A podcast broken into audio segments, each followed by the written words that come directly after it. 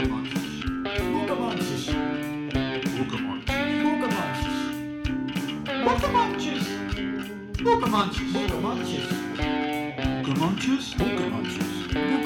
Bucamanches. Bucamanches.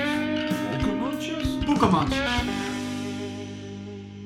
Welkom bij Boekenmandjes, de podcast dat we alle keer een boeking bespreken zullen. Mijn naam is Geert Tichelaar. En ik ben Frank Hopwood. En deze allereerste aflevering zullen wij het hebben over eigen triets. Een blomlezing met Amerikaanse outlaw en beat poëzie. Geerstald, oerzet, in en uitlaat door Lubbert-Jan de Vries. Ja, laten we dan allereerst eens over de farmjouwen hebben. Dat wordt al wel zijn, uh, don't judge a book by its cover, maar dat ken je wel. Uh, maar die weer om het samen te zeggen. Uh, ik citeer hier even de uitjouwer in het voorop wordt. Uniek ek om te farmjouwen van Jelle Post treffelijk op de sfeer en de inhoud aansluit. Ja, inderdaad. Het ziet er heel goed uit. En de lettertype bijvoorbeeld maakt je denken direct aan die posters van Wanted, Dead or Alive. Die posters waar Jim Morrison te vinden is. Jim Morrison is een van de dichters die in het bondel te vinden is. Een man harkt blijden bienoor op zijn hiem op een bult en hing het op zijn harken en stekt, volslaande brand erin. De rook volgt het bad, bijna bleef steen en de lucht die haar aandacht loopt, zal over een tal jaren nostalgie wijzen. Dan heb je dan naar de cover nog even sjoggen. Dan uh, staan er al hier uh, allerhande labels op. Ik zei niet snel dus dat het dan Amerikaanse outlaw en beat poëzie is. Maar nou, wie vraagt dan ik van, ja, uh, wat voor nut had het dan? Ja, ik wil net zeggen dat het zelfs geen nut had om zulke poëzie voor te zetten. Want in mijn optiek, daarom ben ik oorzetter, is alles uh, had nut om oor te zetten. Maar ik bedoel, wat zei het nou nog de Joerdijske Frieske lezen dan zulke Amerikaanse outlaw en beat poëzie? Of met deze bondel dan jongen als is maar wat een inkijkje in dus dan de kanon van de Amerikaanse poëzie. Ja, het is, ik zou zeggen dat het een beetje van beide is. Want het is een echt heel goede verzameling van dichters. Het is 162 jaren van, van poëzie. Het gaat van Walt Whitman naar Allen Ginsberg en recentere dichters, net zoals Jenny Shee. Tegelijkertijd kan je wel zeggen, sommige van deze schrijvers hebben westerse literatuur best wel beïnvloed. Walt Whitman met vrije versen is iets die je tegelijkertijd ook kan vinden in de Friese poëzie. En als het dan over uh, outlaw had, Big Leaks, ja, uh, Walt Whitman, dat wie nou ja, de eerste outlaw zelfs, maar ja, het is nog tegenwoordig vrij wat mainstream worden. Het is uh, jij echt bij de kanon van Amerikaanse poëzie, dus ja, hoe outlaw is een label outlaw dan nog? Toen Whitman was aan het schrijven, natuurlijk, dit was echt iets anders. Toen hij was aan het schrijven, werd hij natuurlijk gezien niet als mainstream. Hij was echt, echt ja. een schrijver buiten de kanon. Daarom wordt hij gezien als de eerste dichter die vrije versen schreef. En tegelijkertijd daarna kan je wel zien dichters net als Allen Ginsberg, die echt de stem van, van zijn generatie was. Maar tegelijkertijd was hij echt een soort outsider. En de recentere dichters zijn bijvoorbeeld kinderen van migranten. En dat is wel ook een interessante aspect. Want hoewel de Amerikaanse samenleving wordt vaak gezien als een verzameling van migranten, weten we van de kranten dat dat niet zo vlot gaat. Toen ik wist dat het lichaam om mijn jong net mijn lichaam wie, toen ik het mompelingen jaar in mijn het, volg ik het door oceaan, grutter als de afstand naar Tuskenus. Ik voel mezelf aan een kustlijn, een schelp glinsterend in de tij. Ik drukte hem in mijn eer. Jo, wie je het, nog heel dit laaitjend, kaagend op een knoestvol betelblad. Jo, tosken zwart als de dagen zonder lucht. De labels zelf zijn heel handig voor de lezer om een beetje, om een beetje te begrijpen wat de schrijvers waren toen, toen ze waren aan het schrijven. Want vandaag de dag is Walt Whitman canon. Allen Ginsberg is ook super beroemd. En dus er is geen twijfel over de, de waarde van hun oeuvre. Maar de invloed die ze hebben gehad op, uh, op westerse poëzie is, is, is heel duidelijk. Dus ja. tegelijkertijd kan je wel zeggen dat specifiek van de Amerikaanse dichters en Amerikaanse literatuur is. Maar tegelijkertijd de invloed die, die ze hebben gehad in de, in, in, in, in de literatuur van andere landen en van andere talen. Is, is, is, dus daarom tegelijkertijd is het specifiek van de Amerikaanse literatuur, maar tegelijkertijd van veel belang voor de Friese lezer. Want we kunnen dingen die we hier vinden terugvinden in de Friese literatuur.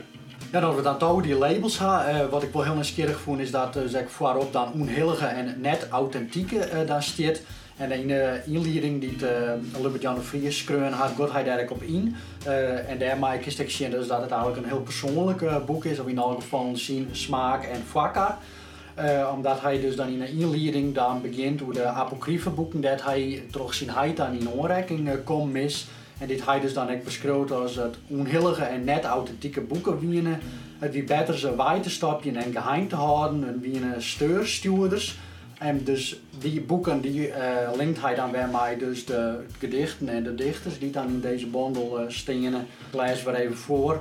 De versen van Whitman en Ginsberg uh, worden in harde tijd als onhillig en net authentiek bestempelen. Nou, dan zal ik er dan nog even verder en dus dan later uh, nog een side verder in zijn inleiding dan uh, zei hij dus echt dat de onhillige en net authentieke oerzetten poëzie in deze. Dus hij uh, verbindt dat echt met dat, nou, die apocryfe boeken wat dus net authentiek is.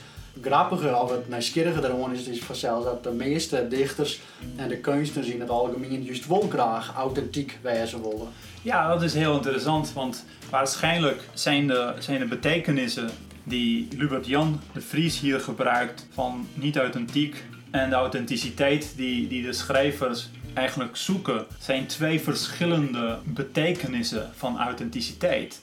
Want wat we zien is dat wat Lubert Jan de Vries bedoelt, letterlijk door niet authentiek, is eigenlijk apocryf. En dat waren al deze schrijvers. Ze waren zeker geen mainstream schrijvers toen ze aan het schrijven waren. Terwijl nu zijn ze natuurlijk kanon. Dus tijden veranderen en dus uh, natuurlijk van, vandaag is het voor sommige namen in, in, in dit boek moeilijk om, te, om nu te denken hoe, dat, dat ze echt buiten het veld waren. Maar tegelijkertijd bespreken ze het idee van, van authenticiteit.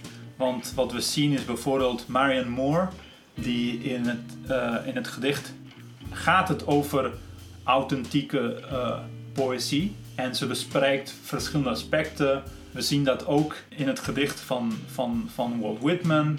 William Carlos Williams is ook heel erg bezig ermee. En na William Carlos Williams komt juist Charles Olson. En er is een, citaat uit William Carlos Williams' uh, werken die, die letterlijk zegt: No ideas but in things. Dit is echt in de kern van authenticiteit. Want wat dit betekent is de dingen zelf. Dit is echt een, een, een discussie over identiteit. En wat authentiek is, wat echt is. Ik ken een hoes maken van modder en twiegen. Ik ken een jurk krijgt naait. Zich de wien het katoentje in haar lichaam blazen. Van de ankel oor, sa, het wie Nike. En haar voeten sabonken gekiet de trin goele kind van die leven per maand. Die het zelfs net uit de noir afliekoe, maar het haar een vreegje op het dek van de skoender en hij zeeg, de eerste menselijke eigen zeggen nog eens, aan het begin van de menselijke beweging, verliezen wieke krijgt 300 miljoen jelien. Zie, roem mij faasje over het plein, het wetter, dus het tijd van het dier, sa, krab en de fisk. En heel veel verschillende, verschillende dichters bespreken dit idee. En dit kan je ook zelfs zien in bijvoorbeeld het, de gedichten van Jack Spicer. Er is een brief die, die wordt getekend door Federico Garcia Lorca, een Spaanse dichter. Maar die, die, die brief wordt getekend in 1957. En Garcia Lorca werd vermoord in 1936.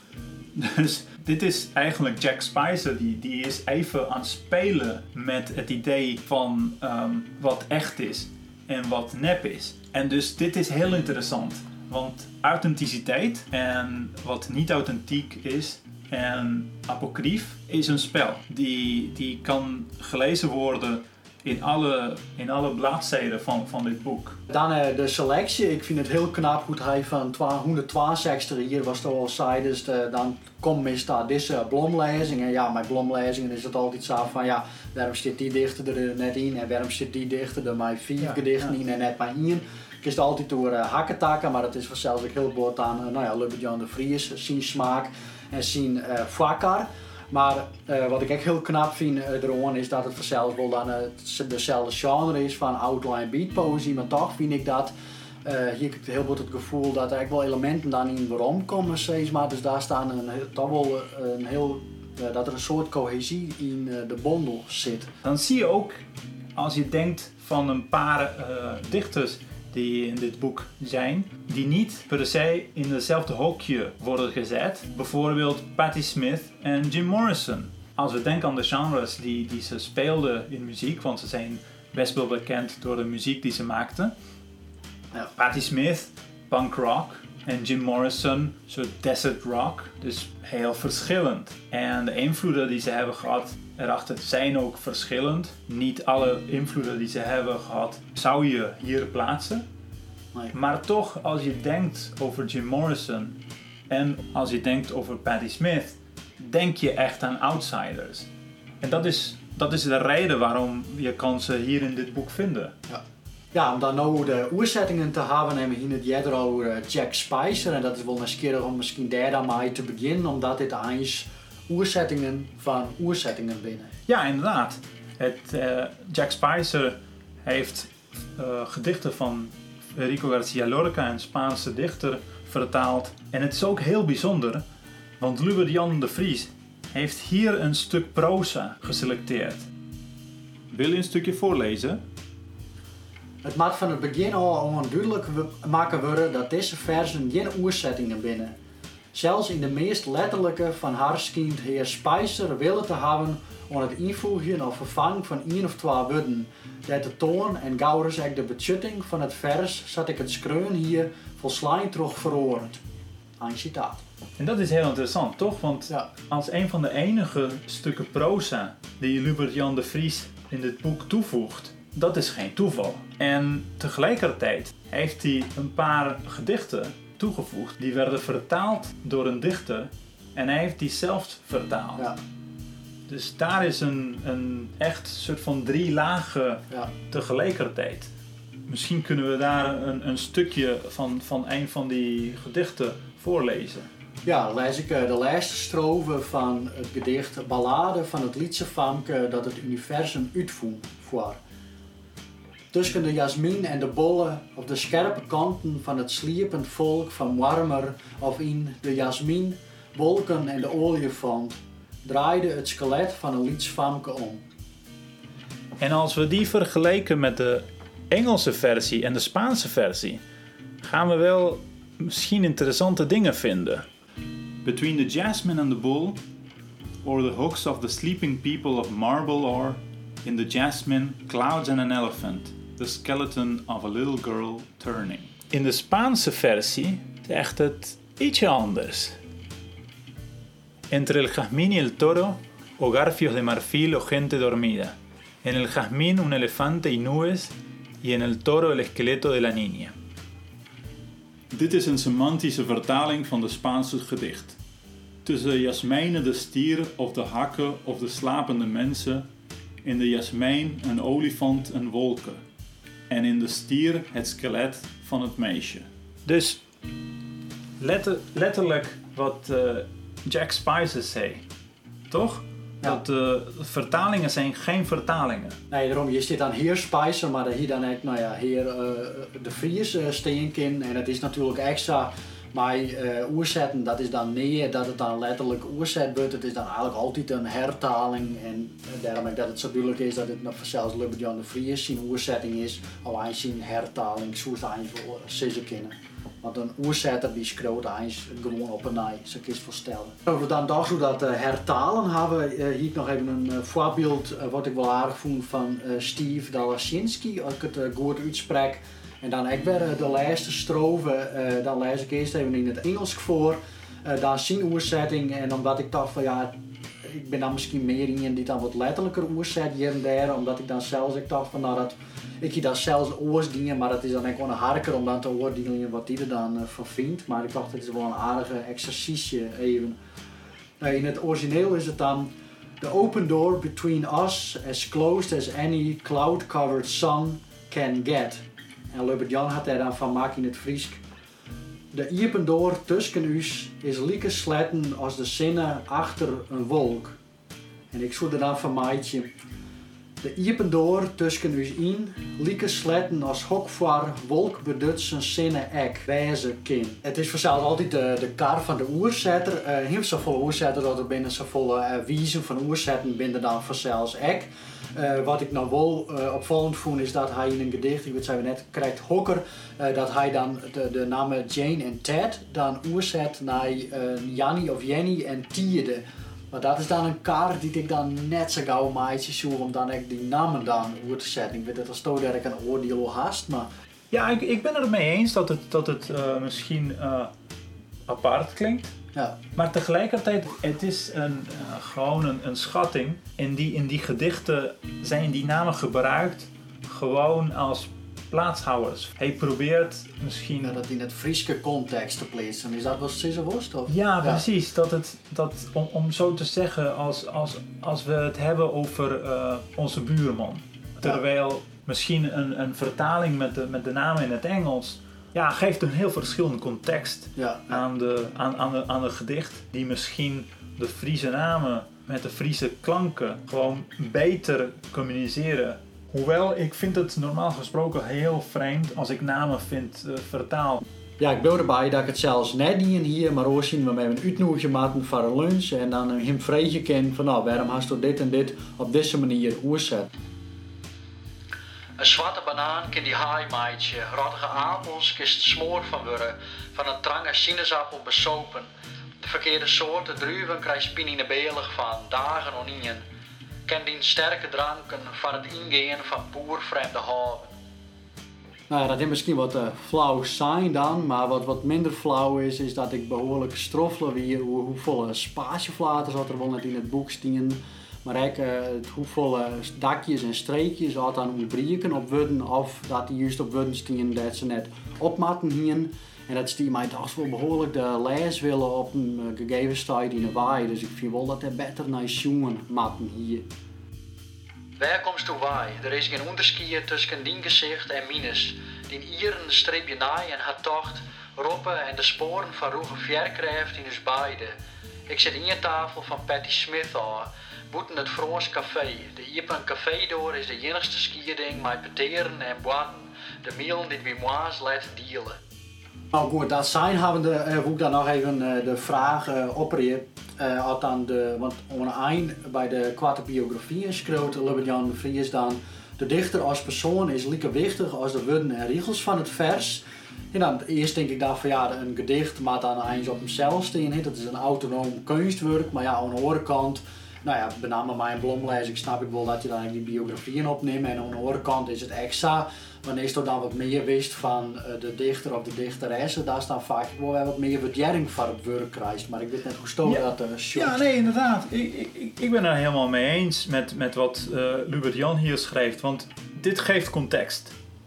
Het is heel moeilijk om Howl van uh, Allen Ginsberg te lezen zonder te begrijpen waar het over gaat. Ja. Context van het gedicht Howl is super belangrijk. Ja. Esthetisch, ja, dat is autonoom.